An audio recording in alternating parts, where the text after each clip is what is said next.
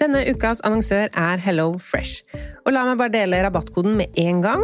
Gå inn på hellofresh.no og bruk fresh penge. Da får du opptil 1779 kroner rabatt. Og i dag tenkte jeg å snakke om matplanlegging ut ifra et hva vil jeg egentlig putte i kroppen min-perspektiv. Altså ikke hva som er godt, men hvor mange ganger i uka vil jeg spise fisk, f.eks. Og med Hello Fresh-appen så er dette så fint. Du velger bare ut fra en liste hvilke fem eller fire eller tre middager du vil spise uka etter. Og så kommer matkassa til deg på døra. Og du trenger ikke å tenke noe mer på hva du skal spise. Denne uka så blir det for meg to fiskeretter, to vegetarretter og en kyllingmiddag til guttene. Gå inn på hellofresh.no og se selv hva du kan velge mellom. Bruk koden FRESHPENGE for å få opptil 1779 kroner rabatt på de første seks matkassene dine, pluss gratis levering på den første kassa hvis du ikke har prøvd Hello Fresh tidligere. Rabatten kan du også bruke hvis du har vært kunde hos Hello Fresh, men det er mer enn tolv måneder siden.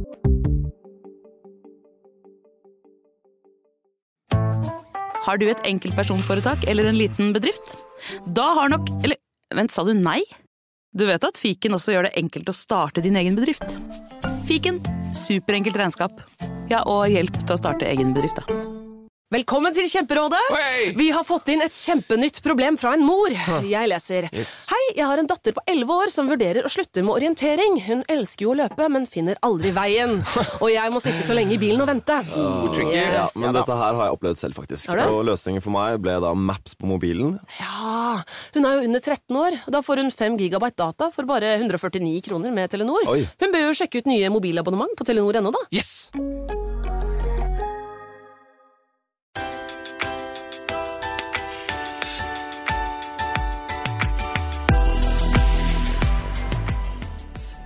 Velkommen til Pengesnakk podkast. I dag har jeg besøk av Roar Lyby, som er seniorrådgiver i Skatteetaten, og vi skal snakke om skattemeldinga. Du har kanskje fått den, eller så er den rett rundt hjørnet. Og vi skal snakke om alt mulig rundt hva vi skal gjøre, og kanskje ikke gjøre også, i skattemeldinga. Hva er skattemeldinga? Skattemeldinga er en eh, oversikt over dine inntekter, dine fradrag, din formue og din gjeld som skatteetaten har fått opplyst fra eh, dine oppgavegivere eh, for fjoråret, altså for 2022. Og hva er eh, oppdraggivere? Nei, altså du har en, kanskje en arbeidsgiver. Du har eh, kanskje pensjon fra Nav eller KLP eller Statens pensjonskasse. Da sender de inn oppgaver til oss. Ca. 60 millioner sånne oppgaver får vi, og så lager vi ca. 5 millioner skattemeldinger. Og hvorfor er eh, folk flest så gira i å åpne denne skattemeldinga? Kommer den snart? Ja, altså, den er under utsendelse. Vi begynte den 14. og avslutter den 31. for de som har, har elektroniske brukere. Det er jo fortsatt noen, ca. 500 000, som får den på papir. Så de må eventuelt smøre seg med litt mer tålmodighet og vente på postgangen i tillegg, da. Um, og grunnen til at folk er så ivrige, det er jo for at det, vi, for de aller fleste, setter vi jo opp en oversikt over eh, alle inntekter, alle fradrag og formue og gjeld, og så beregner vi en foreløpig beregning. Eh, og så når da det varselet tikker inn eh, om at skattemeldingen er klar til å sjekkes, da kan du gå inn og sjekke. Og er du blant de heldige som har alle opplysningene som vi har fått, tilgjengelig på din skattemelding, så kan hende du får en foreløpig beregning og får se om du får til gode penger, eller om du får en restskatt. Ja, for det lurer vi jo på. Men kan du fortelle litt om hvordan det foregår med fordi skattemeldingen er én ting, og skatteoppgjør er én ting, og så skattekort. Hvordan er liksom hele prosessen? Hele prosessen er jo at eh, alle som eh, bor i Norge, eller oppholder seg her f.eks. For, for å jobbe, er skattepliktig til Norge for eh, sine inntekter og formue. Og vi som har eh, det skatteplikt som bosatt, altså deg og meg som er født her og, og vokst opp her og, og eventuelt bodd her eh, lenge nok til å, å bli skattemessig bosatt, vi er skattepliktige til Norge for all inntekt og formue som vi måtte ha verden over. Så altså alt du har i Norge, og eventuelt i utlandet, skal du da oppgi på skattemeldinga di. Det kan være inntekter, det kan være formue du har i utlandet, som vi ikke kjenner til, og som ikke vi fører opp på skattemeldinga. Og når du er bosatt her, så får du et skattekort. Det sender vi til desember eh, som regel eh, for eh, året etter. Du fikk desember 2022, så fikk du skattekort for 2023. Da prøver skatteetaten å se litt inn i glasskulla i forhold til hva kommer til å ha skjedd i livet til Lise i løpet av eh, 2023. Hvor stor vil hennes formue være? Hvor mye vil hun ha tjent når året er omme? Eh, og så er det din oppgave da, å gå inn og sjekke de opplysningene, om vi har truffet eller om vi har bomma. Og hvis vi har bomma, så er det lurt at da gjøre endringer. For feil skattekort er en av hovedgrunnene til at folk får restskatt. Opplever dere at folk flest går inn og sjekker og endrer skattekortet? Flere burde nok ha gjort det. Og hva er det vi helst eh, burde bytte i der? Er det rentene, eller formuen, eller inntekt? Altså, det er jo eh, for det første sjekk de tallene som vi fører på skattekortet, og sjekk om det er noe som mangler der. Det kan at ting har forandra seg, for de opplysningene vi legger til grunn på skattekortet, det kan være eh, gamle tall. Det kan være henta fra den sist leverte skattemeldingen din, og i 2022 så er den sist leverte den utgaven fra 2021. Ja. Og hvis det har skjedd noe i livet ditt da i løpet av 2022, og kanskje det kommer til å skje noe i 2023 som ikke vi veit om, da er det lurt å ta hensyn til det på skattekortet sitt. Og hva med renter? Nå har jo rentene gått opp, og det burde vi jo endre òg. Eller skattekortet i desember visste vel ikke hvor mye rentene Nei, eh, og der eh, opplever vi jo det at vi har fått og hatt litt fokus på det. Vi gikk ut ganske eh, kraftig og oppfordrer alle til å gå inn og sjekke.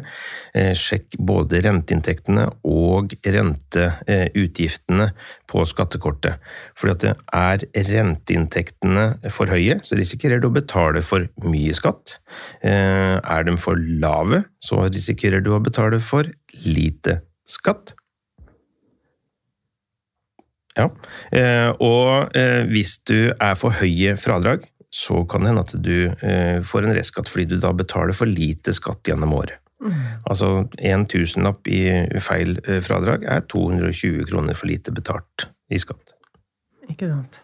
Så skattekortet er det som er på forhånd, som er planen for hva vi betaler inn. Mm.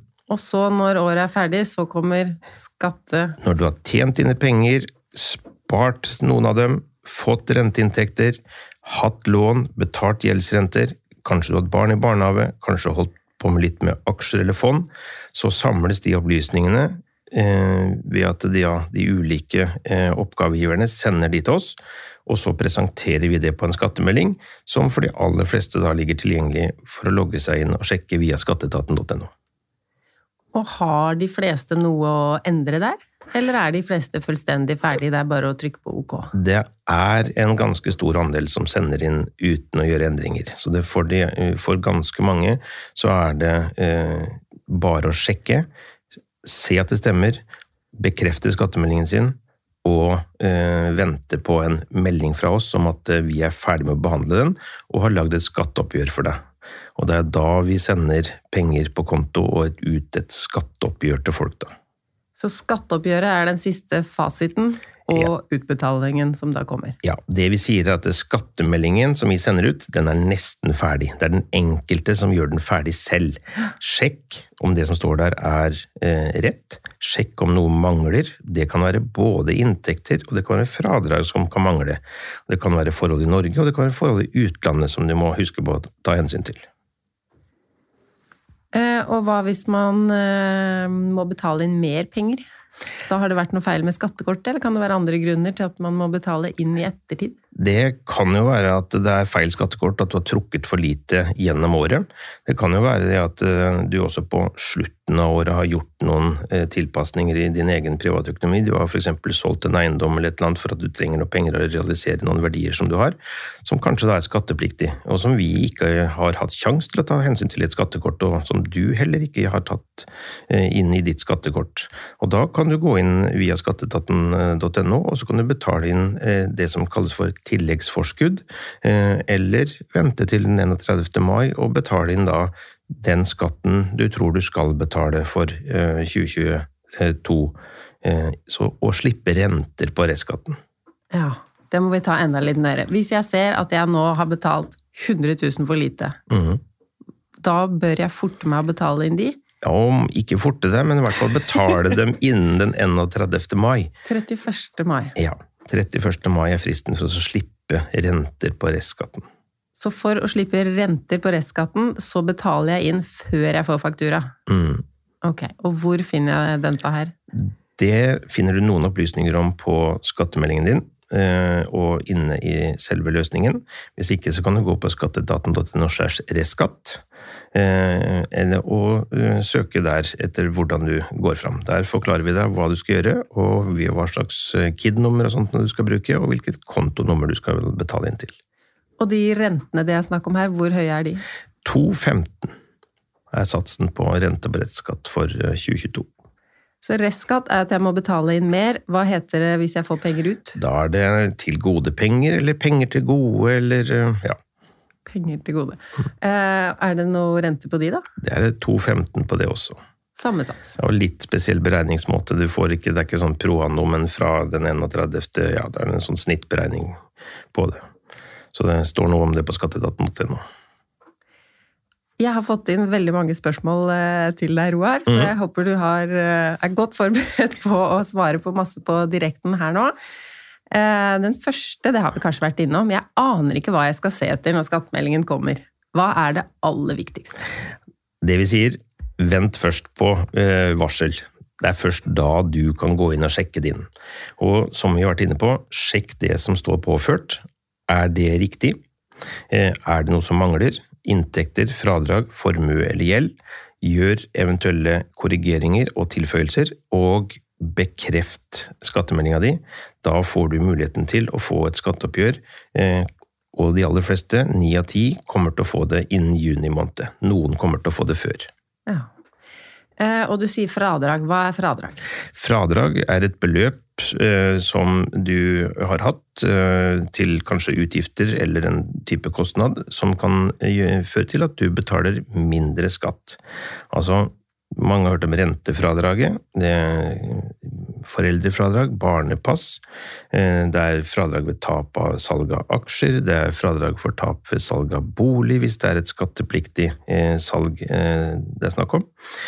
Og det fører til at du betaler mindre skatt. Og for de fleste så er det da 22 det fradraget virker med og reduserer skatten din med.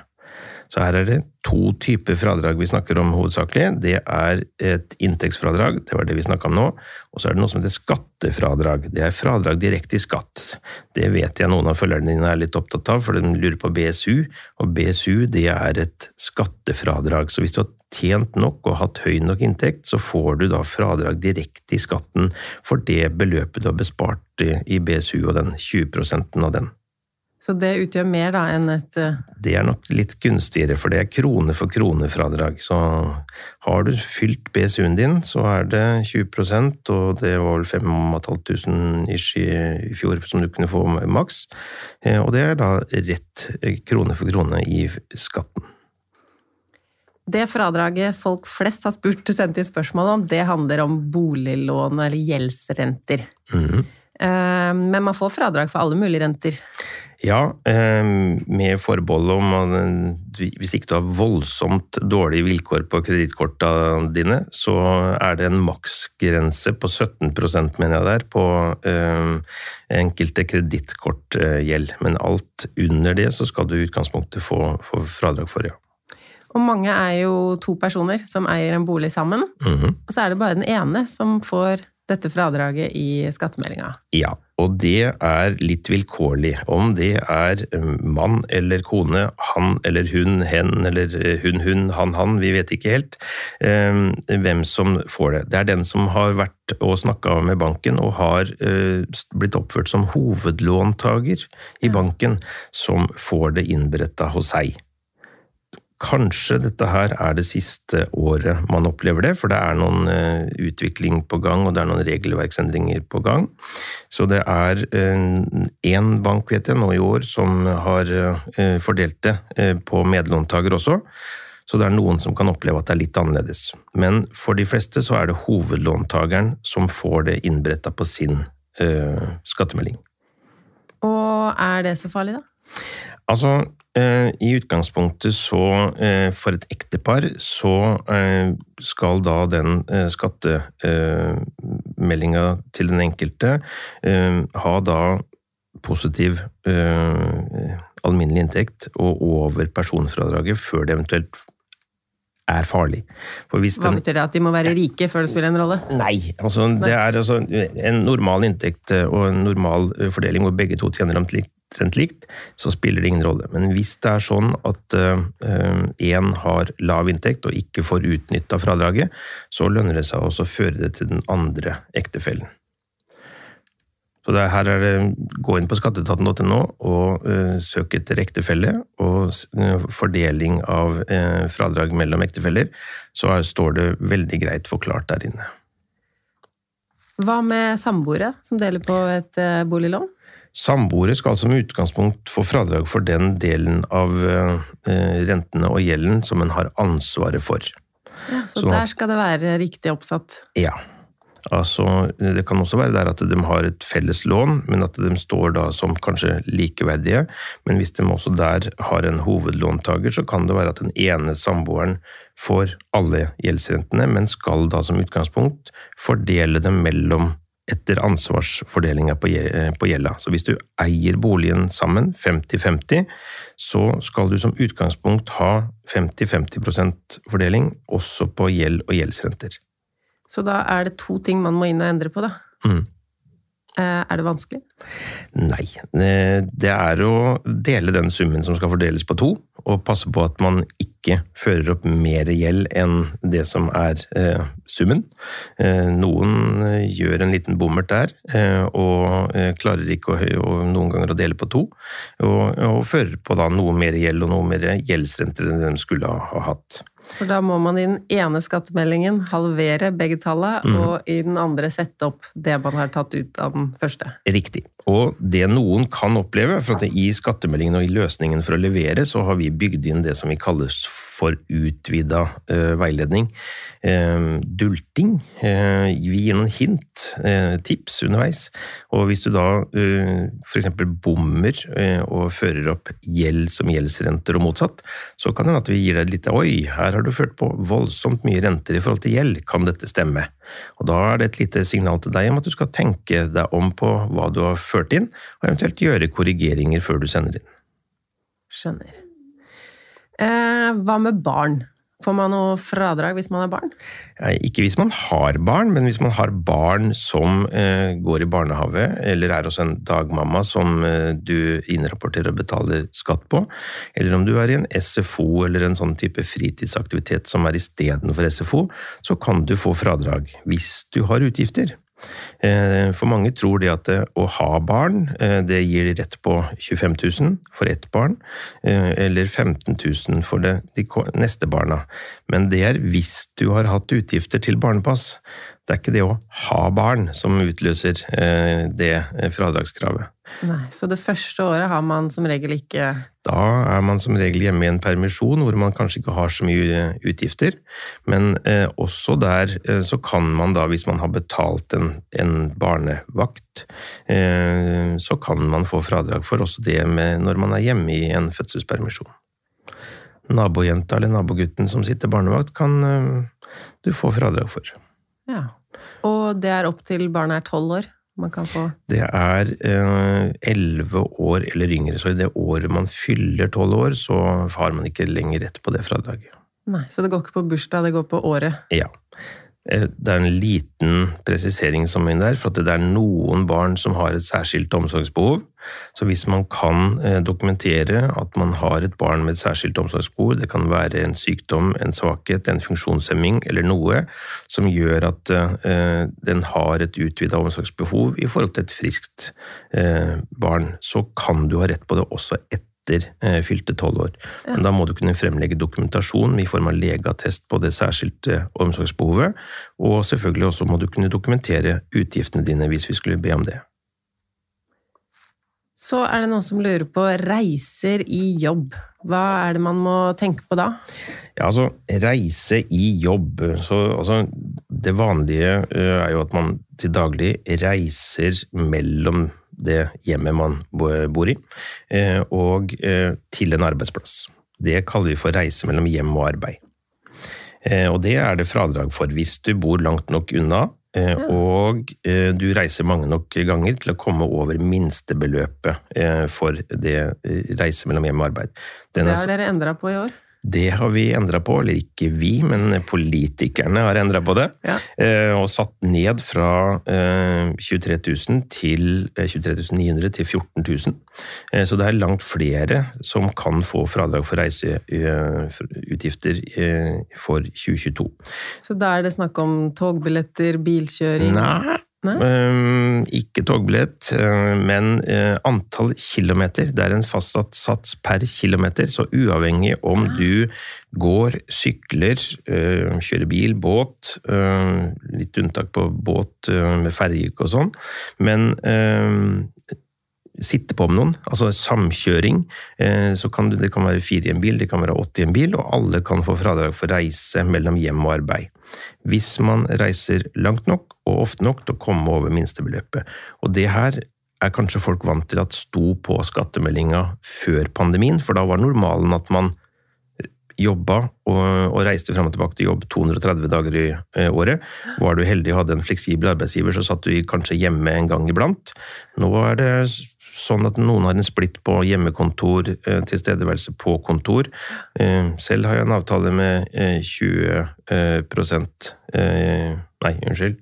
For tre dager i uka på jobb, to dager hjemme. eh, eh, hjemme. Eh, 60-40. Eh, og må redusere da antall dager deretter. For det er det faktiske antall reisende som du skal føre opp. Antall dager du har reist.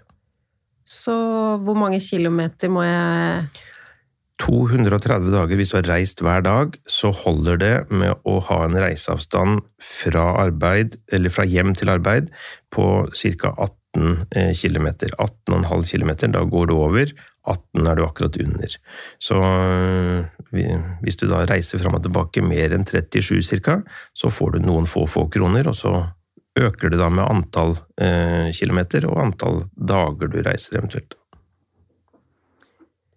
Så lurer vi på kapitalinntekt. Om vi har investert i crowdfunding, f.eks., skjer det av seg selv? Ja, altså crowdfunding, hvis du har øh, gjort det i en norsk plattform, så er de norske plattformene som i hvert fall driver da med den såkalte crowdlending-varianten, eh, forplikta til å rapportere inn til oss. Har du gjort det for en utenlandsk plattform, så er det ikke sikkert at det står påført, og da må du føre på den summen du eventuelt har lånt ut, eh, og eventuelt de renteinntektene du har mottatt. Og så er det litt uh, uh, forskjellig. Noen av disse her er jo, kan jo være uh, sånn type aksjebaserte, og da må du oppgi formuen i, i form av aksjer og eventuelt utbytte du har mottatt. Hva med kryptovaluta? Kryptovaluta, der er det sånn at hvis du har kjøpt og har formue, så skal formuen oppgis.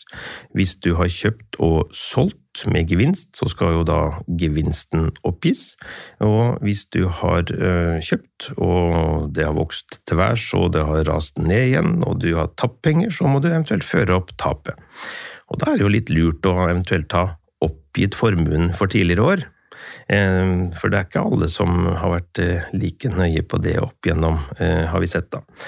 Men eh, hvor skal dette føres? Er det en egen linje som heter kryptovaluta? Da eh, bruker du søkefunksjonen i skattemeldinga. Eh, den eh, viser deg eh, rett til det rette kortet, men det er jo eh, en form for kapitalinntekt og kapitalformue, det også. Mm. Hva med aksjer? Aksjer skal jo som hovedregel eh, stå påført hvis de er omfatta av det norske aksjonærregisteret eller eh, notert på Oslo Børs. Så kan det være at det er eh, eh, utenlandske aksjer som du må oppgi selv. Da søker du til aksjer oppe i høyre eh, hjørne, og så finner du det rette kortet og det rette temaet å putte det inn på. Aksjefond, da? Norske aksjefond, det samme. Det skal stå påført, ferdig.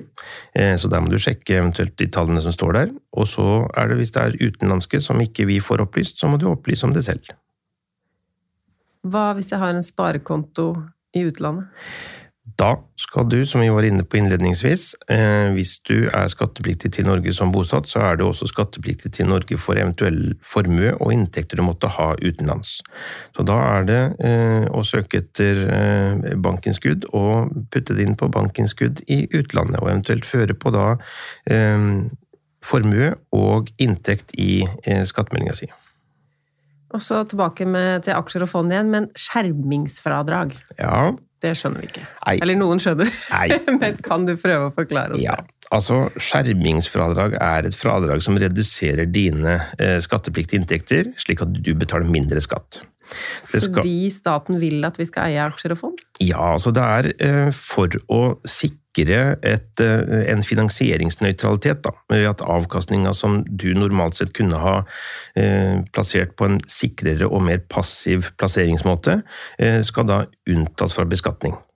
Litt vanskelig, litt kryptisk. Så hvis jeg har en sparekonto med 3% rente, og så har jeg aksjer som har gått med 7 Ja, så får du fradrag for en liten eh, del av eh, den aksjeinntekten, aksjeutbytten, og, eventuelt da gevinsten du har eh, når du selger dem, fordi at det da i gåsehudene skal premieres å investere i aksjer, og være nøytralitet i forhold til plassere i bank aksjer. Så skjermingsfradrag er en bra ting. Det er en bra ting, og der har vi en veldig fin side på skatteetaten.no. Ja. Så eh, Går man inn der, skatteetaten.no eh, slash aksjer, eh, så, er det, så kan du beregne skjermingsfradraget ditt ut ifra inngangsverdien på aksjene dine, hvor lenge du har eid dem. Så får du spørsmål om du har mottatt noe utbytte eller solgt noen underveis, og så får du da kalkulert skjermingsfradraget for akkurat den porteføljen din. da. Skal jeg føre inn dette her sjøl, eller? Skjermingsfradraget skal i utgangspunktet bli beregnet automatisk eh, hvis du har eh, eh, solgt aksjer eller mottatt utbytte. Da kan man sjekke den aksjeoppgaven sin på det. Så er det flere som har enkeltpersonsforetak, som den første som sendte inn sier 'jeg gruer meg'. Hvor vanskelig blir skattemeldinga nå? Ja, der er det jo gode nytt, da, for at de som driver enkeltpersonforetak, der skal alle i år, eller for 2022, være omfatta av den nye varianten av skattemeldinga si. De får nytt utseende, alle sammen. Eh, De som var med i fjor, får jo ikke noen stor overraskelse, men de som leverte ved den gamle varianten i fjor, vil jo nå oppleve at det er en ny skattemelding. Og ikke lenger da eh, en skattemelding og en næringsoppgave og en del pliktige skjemaer som hører til, eh, eller hørte til der. Nå er det eh, ny skattemelding, en næringsspesifikasjon hvor du oppgir inntekter og kostnader, eh, fordeler dette her til personinntekt osv. Eh, og så eh, leverer du inn. Så den er enklere enn noen gang, så det er ingen grunn til å grue seg. Går du inn på skatteetaten.no slash enk, så har vi en egen side for enkeltpersonforetak, og der er det også satt opp en veldig grei trinn-for-trinn-guide som eh, vedkommende som gruer seg, eh, kan gå inn og se på, og så kan det hende at eh, de eventuelle sommerfuglene i magen flyr sin vei. Er det også sånn at fra og med i år så kan man ikke drive på så mye inni deg sjøl, man må levere det via regnskapsprogrammet sitt? Ja, altså det er aksjeselskaper og eventuelt revisjonspliktige eh, enkeltpersonforetak som må det. Okay. Mens eh, andre kan levere selv via den eh, løsningen med via skatteetaten.no. Neste enkeltpersonsforetaksspørsmål handler om forskuddsskatt. Det er år to. Mhm. når, kan, når skal jeg føre inn forventet inntekt i skattekortet? Altså, Vi har snakka om skattekort før, og skattekort er jo et forsøk på å se inn i glasskula. Så der har jo du da som næringsdrivende en liten utfordring på begynnelsen av året. Du vet ikke hvor godt dette året blir. Nei. Eh, Så der må du jo da eh, kanskje være litt nøktern på begynnelsen av året og starte ut litt forsiktig. Jeg håper at jeg får et overskudd, jeg håper at jeg har en personinntekt som jeg kan eh, ta ut av dette her enkeltpersonforetaket mitt i løpet av året. Starte moderat, og så eventuelt, hvis det går dårlig, redusere. Hvis det går bra, så kan det øke. Og det her kan du, og det som er med enkeltpersonforetak, der har jo ikke vi noen eh, inntekt å trekke skatt i, så der må du betale skatt selv. Der får du kvartalsvis innbetaling eh, av den forskuddsskatten, som vi kaller den. Eh, og hvis den oppleves å være veldig høy når den forfaller når forfalt 15. mars, så eh, kunne du gå inn og endre og sette ned næringsinntekten din, sånn at den ble lavere. For da har du i utgangspunktet fått tilsendt en faktura, og det sitter kanskje noen der ute nå som har en faktura som de kanskje ikke har penger til å betale. Da er jo oppfordringa å gå inn og endre den. fordi at hvis du ikke betaler forskuddsskatten din til forfall, så forfaller nemlig hele summen. Ikke bare den fjerdedelen som nå forfalt, men alt forfaller eh, hvis ikke du betaler. Så gå heller inn, juster ned, få en levelig eh, forskuddsskatt som passer din økonomi og din situasjon, og så sørger du for å endre den eh, fakturaen og beløpet på den i tråd med den nye forskuddsskatten din som du har fått for nå for 2023. da. Men hvis man endra den etter forfall, som du sa? Da eh, har du jo vært litt for seint ute. Ja. Eh, du kan hende, hvis du er veldig seint ute, så kan du jo få eh, litt trøbbel med tanke på innkreving og sånt som kommer inn. Men sørg for å endre forskuddsskatten. Juster fakturaen, og betal inn det beløpet som du har fått på ny forskuddsskatt i løsningen. Ja, for her var jeg personlig litt seint. Jeg tjente jo masse penger i fjor. Mm. Så når jeg nå fikk det første forfallet her denne uka, så betalte jeg jo mer enn skatt enn jeg har tjent hele år. Ja, Nå hadde jo jeg bufferkonto, så det gikk bra, men da gikk jeg inn og endra det nå. da er det lurt Og... Sånn at neste runde ja. Ja. Og det kan jo være noen som er i sesong, f.eks. Altså, noen tjener voldsomt med penger på sommeren. Altså kiosken i båthavna eller uh, bensinstasjonen i båthavna. og sånn. Der er det da lurt å gå inn og justere, sånn at du eh, tilpasser din egen sesong og likvide situasjon.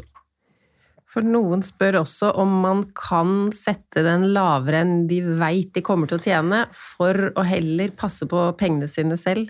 Ja, altså, passe på pengene sine selv, det vet jeg mange er litt opptatt av, og spesielt mange av dine følgere, som eh, er veldig opptatt av å få mest mulig avkastning på pengene sine. Eh, Men der skal man være litt forsiktig, fordi at når da restskatten eh, eventuelt kommer, så er det veldig lurt å ha penger til å betale den. For eh, eh, det offentlige er eh, kanskje ikke den mest rause kreditoren. Det er den verste. ja. Ja. Takk. Men så i utgangspunktet så skal den da settes så lik som mulig, og det som virkeligheten skal være. Og det følger av skattebetalingslovens 4-4 at det er den enkelte eh, skattepliktige sin plikt til å gi opplysninger som er nødvendige for at skattekontoret skal få fastsatt og regulert forskuddstrekk og forskuddsskatt i samsvar med bestemmelsene i skattebetalingsloven. Og hvis man da bryter dette her, og på en måte bevisst setter dette her mye mer ned enn utgangspunktet er, så kan det hende at vi kan komme da og si at nei, Lise, du får ikke lov du til å sette ned og endre skattekortet ditt. Vi eh, setter det for deg, og du må betale det vi bestemmer. For hvis du spekulerer i det her, så er det et sånt lite sånn ris bak speilet, hvor du kanskje da fratas den endringsadgangen. Du skal sette et grunnlag som er så likt eh, det du tror kommer til å være virkeligheten da, eh, som mulig. Og du, du, du, kan ikke sette, du får ikke sette ned til, til null, og så på en måte eh, samle opp alle inntektene og, og skatten selv. Altså du skal i utgangspunktet sette det inn eh, og betale via forskuddsskatt, eller en trekke det da via lønn. Ja. Så eh, det er, det er en, en hjemmel for det meste. Så det er faktisk straffbart å med vilje skatte Ja. for lite gjennom året for å Altså, få høyere Hva, avkastning. hva slags straff du eh, kan få, det er jo da Det kan være at du, ja, vi, vi, vi fastsetter eh, det for deg, eh, og så må du betale deretter, og kanskje mister da den endringsadgangen. Det er vel Ja. Det er det verste som kan skje, kanskje. ja. Mm. Så er det noen her som fikk en stor etterbetaling fra Nav i fjor. ja. Påvirker det skattemeldingen i år? Og da gjelder vel det alle typer store pengesummer som kommer inn. Ja, altså det er litt uh, spesielt det med, uh, med etterbetaling. For at uh, der er det Det er en av de fra pensjon.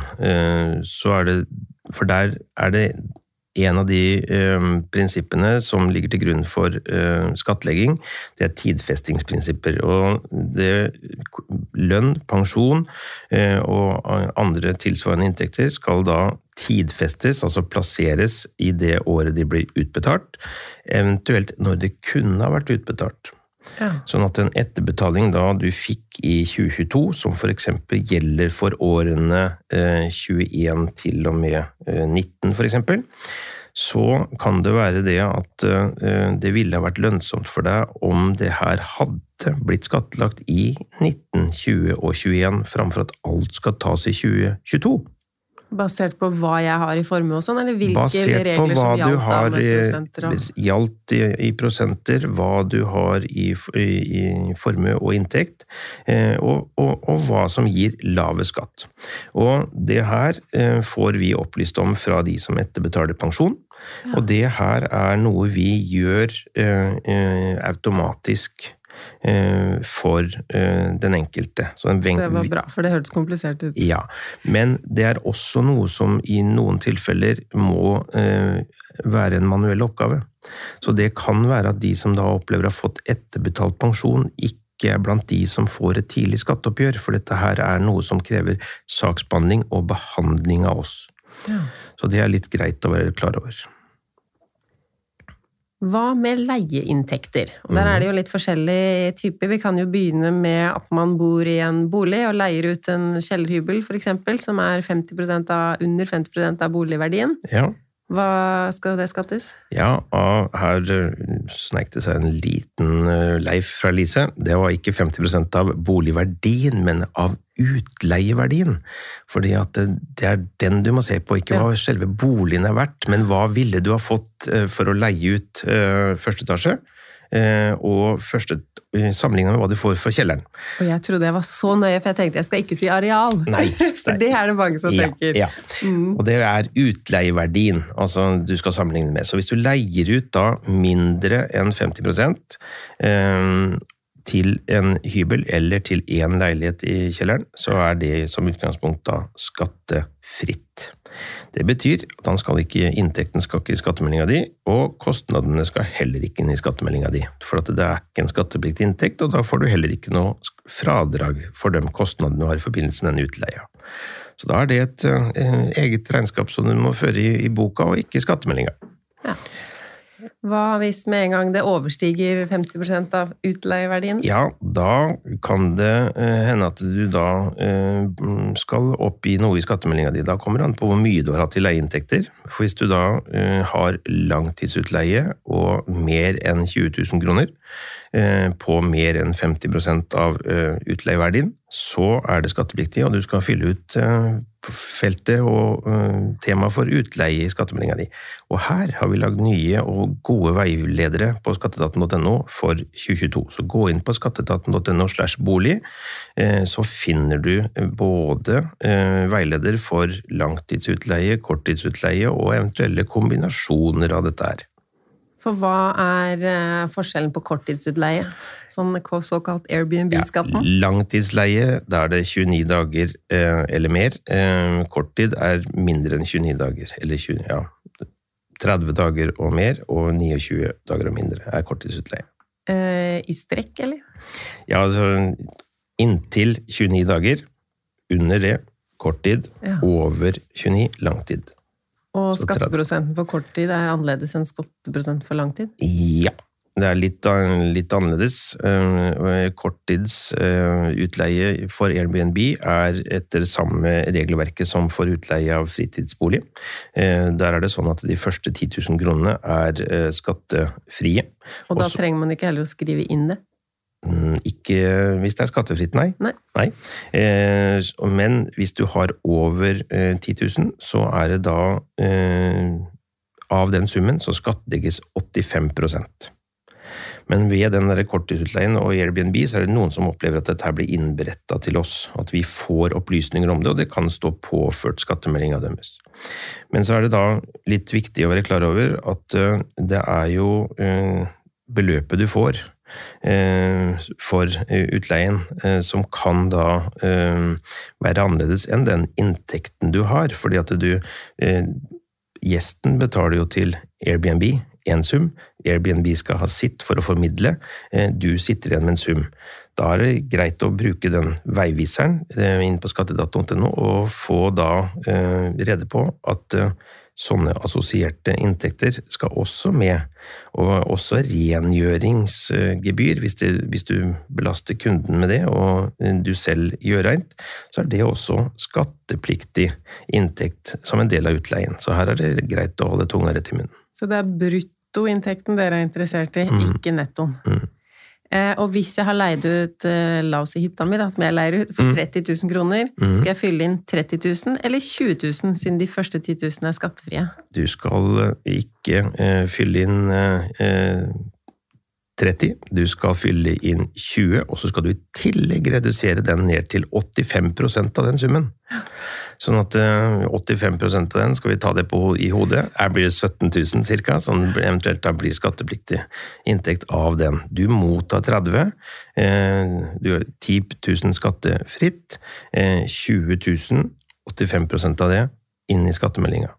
Og da er det ikke noe kostnadsfradrag, Nei, for det er da poeng. Ja. bygd inn i den sjablongen. Den 15% reduksjon er ment da eh, å dekke eventuelle kostnader du har i forbindelse med det her. Det er en sjablongregel, fordi at det er veldig vanskelig å fordele kostnadene gjennom en år, et år, Petter. Ok, vi var på hytta 200 dager selv, vi leide den ut til 165, kostnadsfordel osv. osv. Da har noen tenkt at her lager vi en sjablongregel, og så ble den da 10 000 skattefritt, 85% beskatning på denne inntekten over 10 000 kroner. Yes. Hva hvis den ferieboligen ligger i utlandet? Ja, da er det sånn at eh, du som skattepliktig til Norge som bosatt, er skattepliktig for eventuell inntekt eh, og formue du også har i utlandet. Så da oppgir du den eh, inntekten, og eh, her følger det da eh, norske regler. Altså er det en feriebolig som du bruker selv, så er det da de sjablongreglene som slår inn.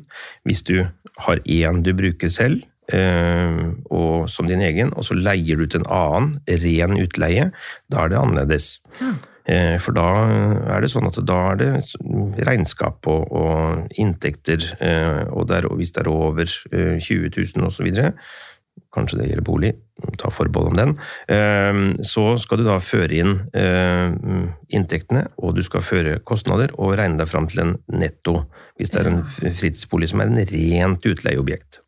Så da kan jeg ta fradrag for sofa og vasking og reelle kostnader Ja. for å gjøre den. Ja. Mm. Men så kan det hende at den her også ligger i et land som også er interessert i å beskatte eh, den leieinntekten i det landet. Ja. Og da er det sånn at eh, Norge har inngått eh, skatteavtaler med en lang rekke land som skal regulere hvordan dobbeltbeskatning skal unngås.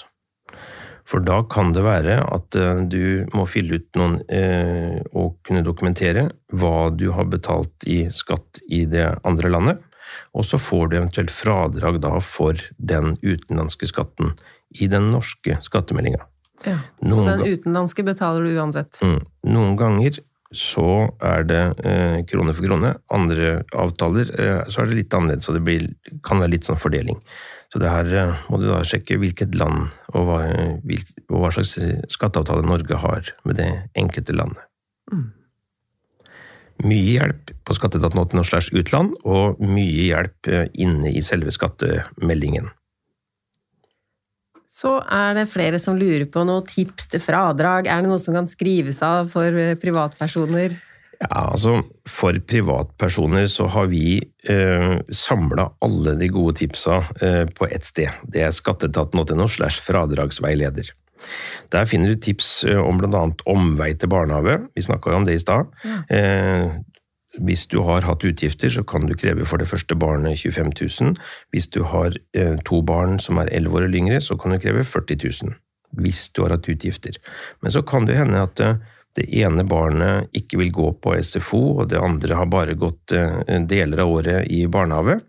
Eh, Da har du makssum på 40 000, Og så kan det hende at du har hatt andre utgifter til barnepass, som du eventuelt kan fylle på med. Du har betalt nabojenta, du har kanskje flydd din svigermor øh, og betalt for den flybilletten. Ja. Det kan da gå som foreldrefradrag. Mm. og eventuelt, hvis vi ikke skal ha noe, men en blomsterkvast, så kan det hende at det også kan føres på som en, en øh, barnepassutgift. Eh, du må kunne dokumentere det da på, hvis vi skulle be om det.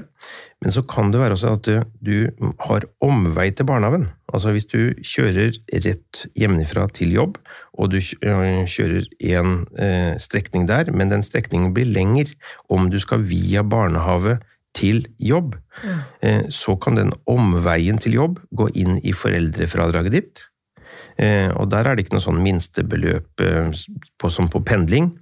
Så hvis du ikke oppfyller da minstebeløpet for reise mellom hjem og arbeid, men får en omvei til barnehagen, så kan omveien inngå da i foreldrefradraget. Så der kan det være at de som da ikke fyller opp maks fradrag for eh, det antall barn de har, kan få litt ekstra fradrag for den strekningen.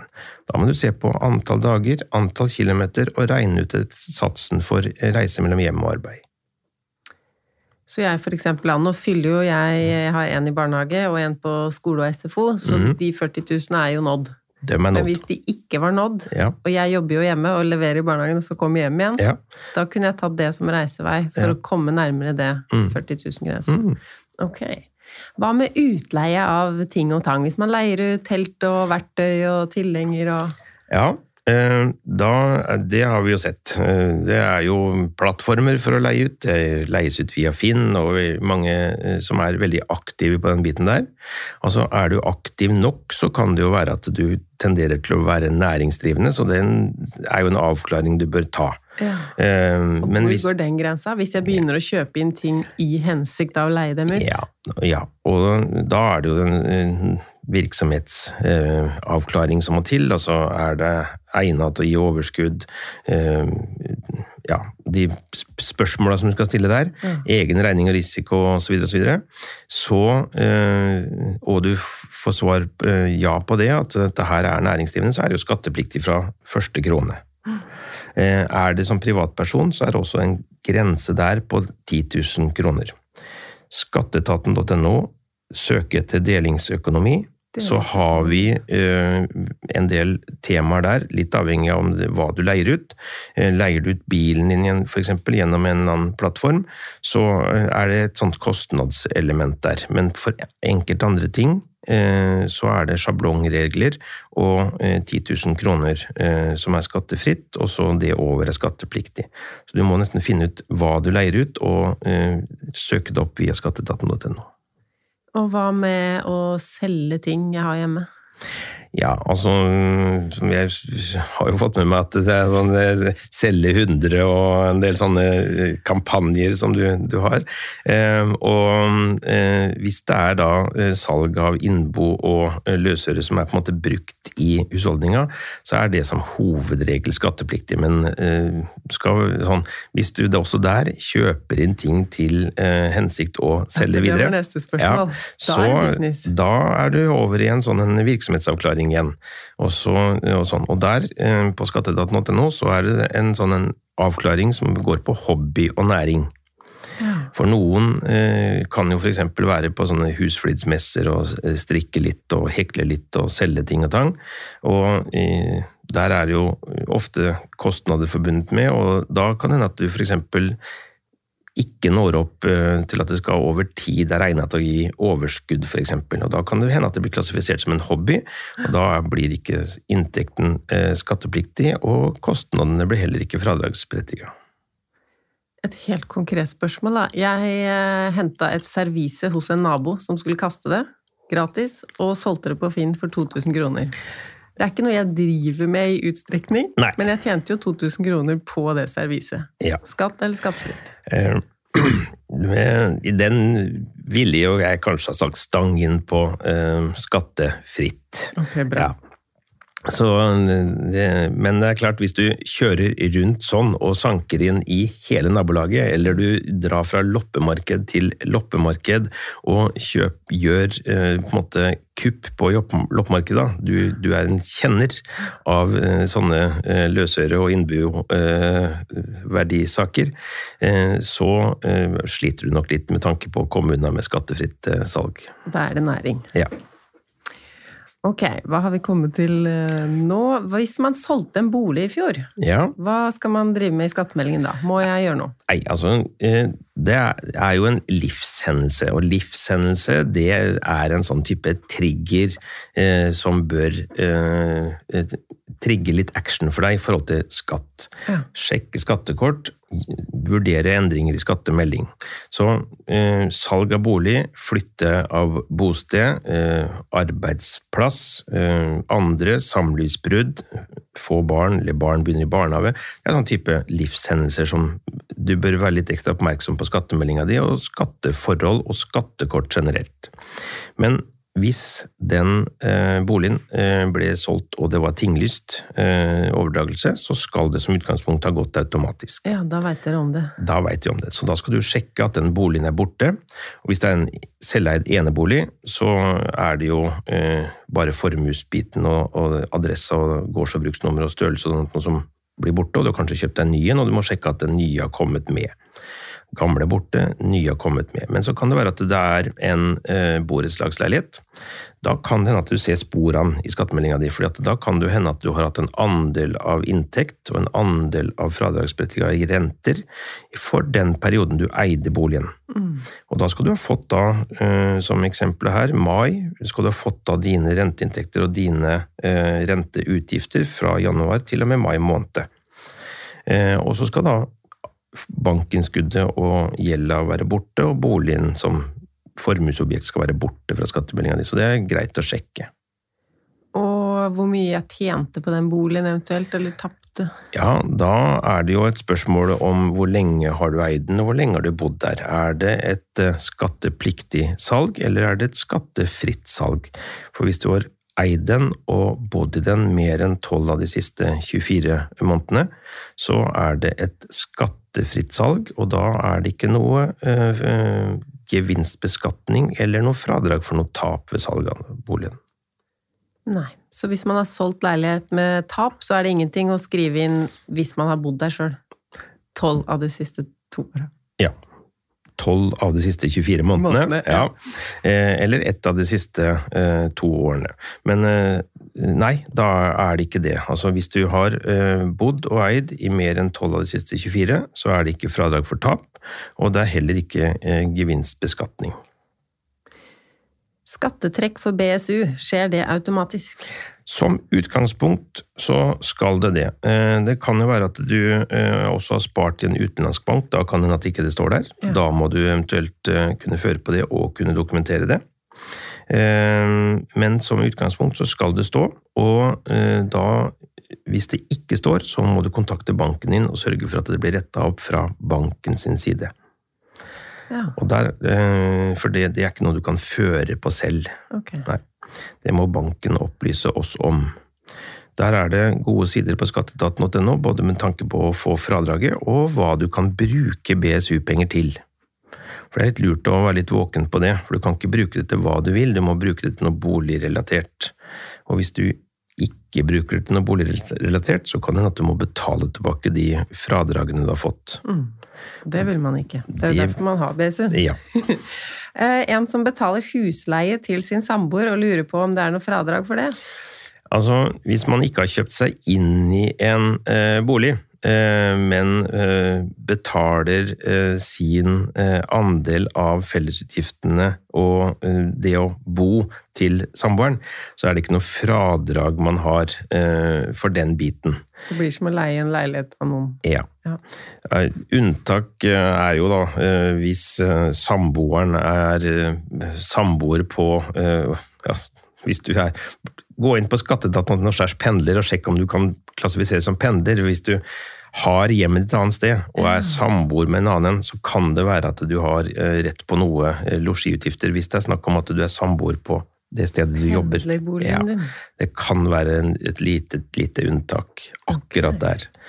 Eh, Når man får skattemeldinga, så står det jo hva slags verdi boligen har, mm. og kanskje sekundærbolig og hytte. Mm. Hvordan veit man om de oppsatte verdiene er riktige, eller hva betyr riktig? Hva skal det stå? Ja, altså den formuesverdien som står på skattemeldinga, den eh, er basert på hvor boligen ligger.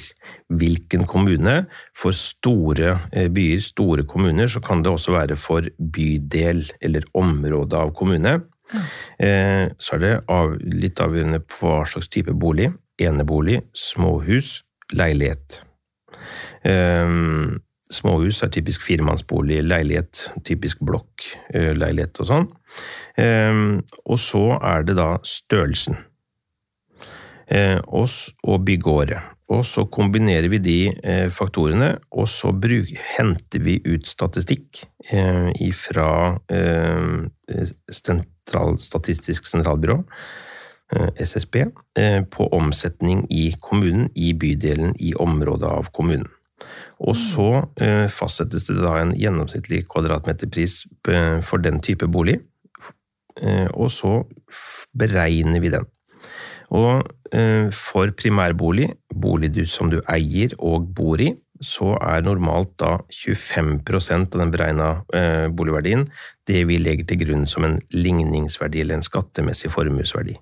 Så det tallet jeg ser i min skattemelding, hvis jeg ganger den med fire, så skal Mm. det være det Ja. huset mitt kan selges for, eller? Ja, og hvis du da eh, ganger med fire og opplever at oi, dette var høyt, dette får ikke jeg, den her blir av skatteetaten verdsatt til ti millioner, naboen solgte akkurat maken hus for seks, da eh, kan du bruke det eh, sammenligningsgrunnlaget, salgsoppgaven, som en dokumentasjon på at huset ditt eh, er eh, ikke mer verdt enn eh, seks millioner. Vil jeg at det skal være verdt så lite som mulig i skattemeldingen?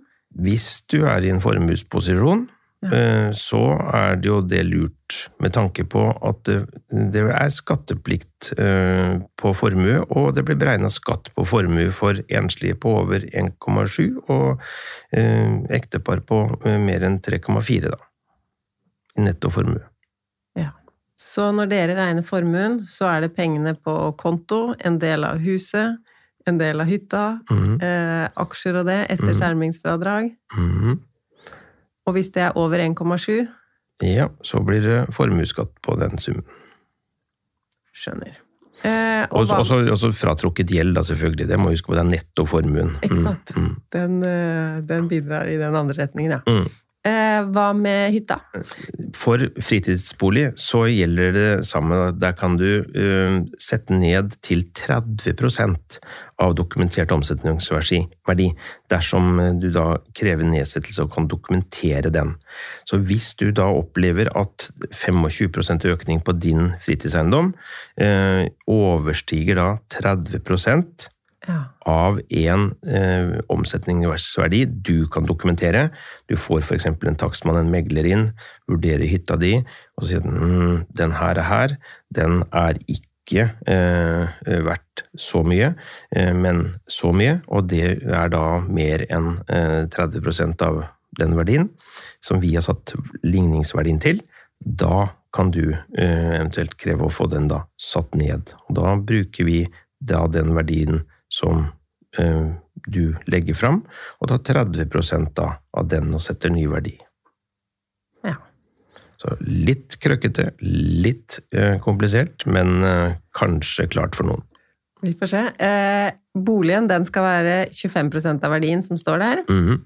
Hytta skal være 30% av verdien pluss 25% Ja, altså den skal ikke, skal ikke være 30% Altså den, den har jo en ligningsverdi fra før. Ja. Eh, har du en nyoppført eh, fritidseiendom, så kommer tomteprisen, byggeprisen og summen på en måte du kommer til der. Så tar vi den som et utgangspunkt og beregner en, en formuesverdi. Normalen er også der at vi 25% av den kostprisen setter vi den til.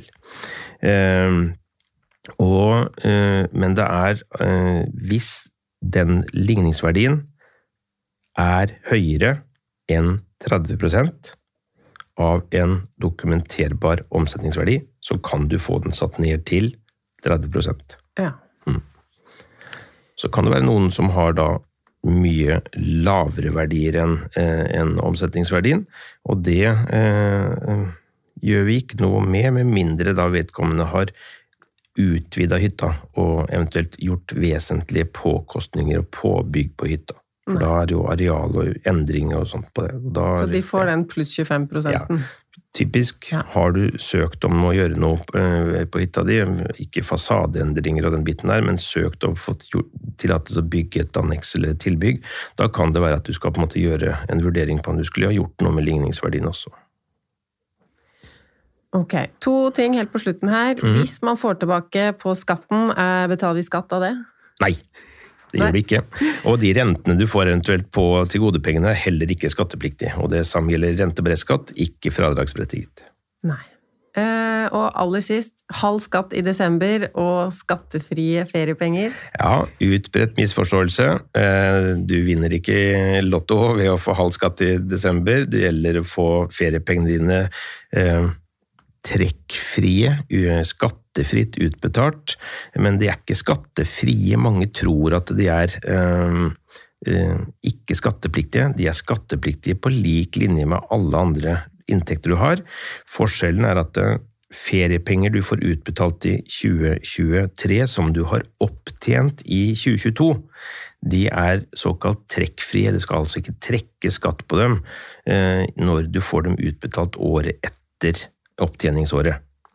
Så den skal stå på skattemeldinga di sammen med inntekten du hadde for de øvrige månedene, og er skattepliktig på lik linje med all annen inntekt. Så gjør noe lurt.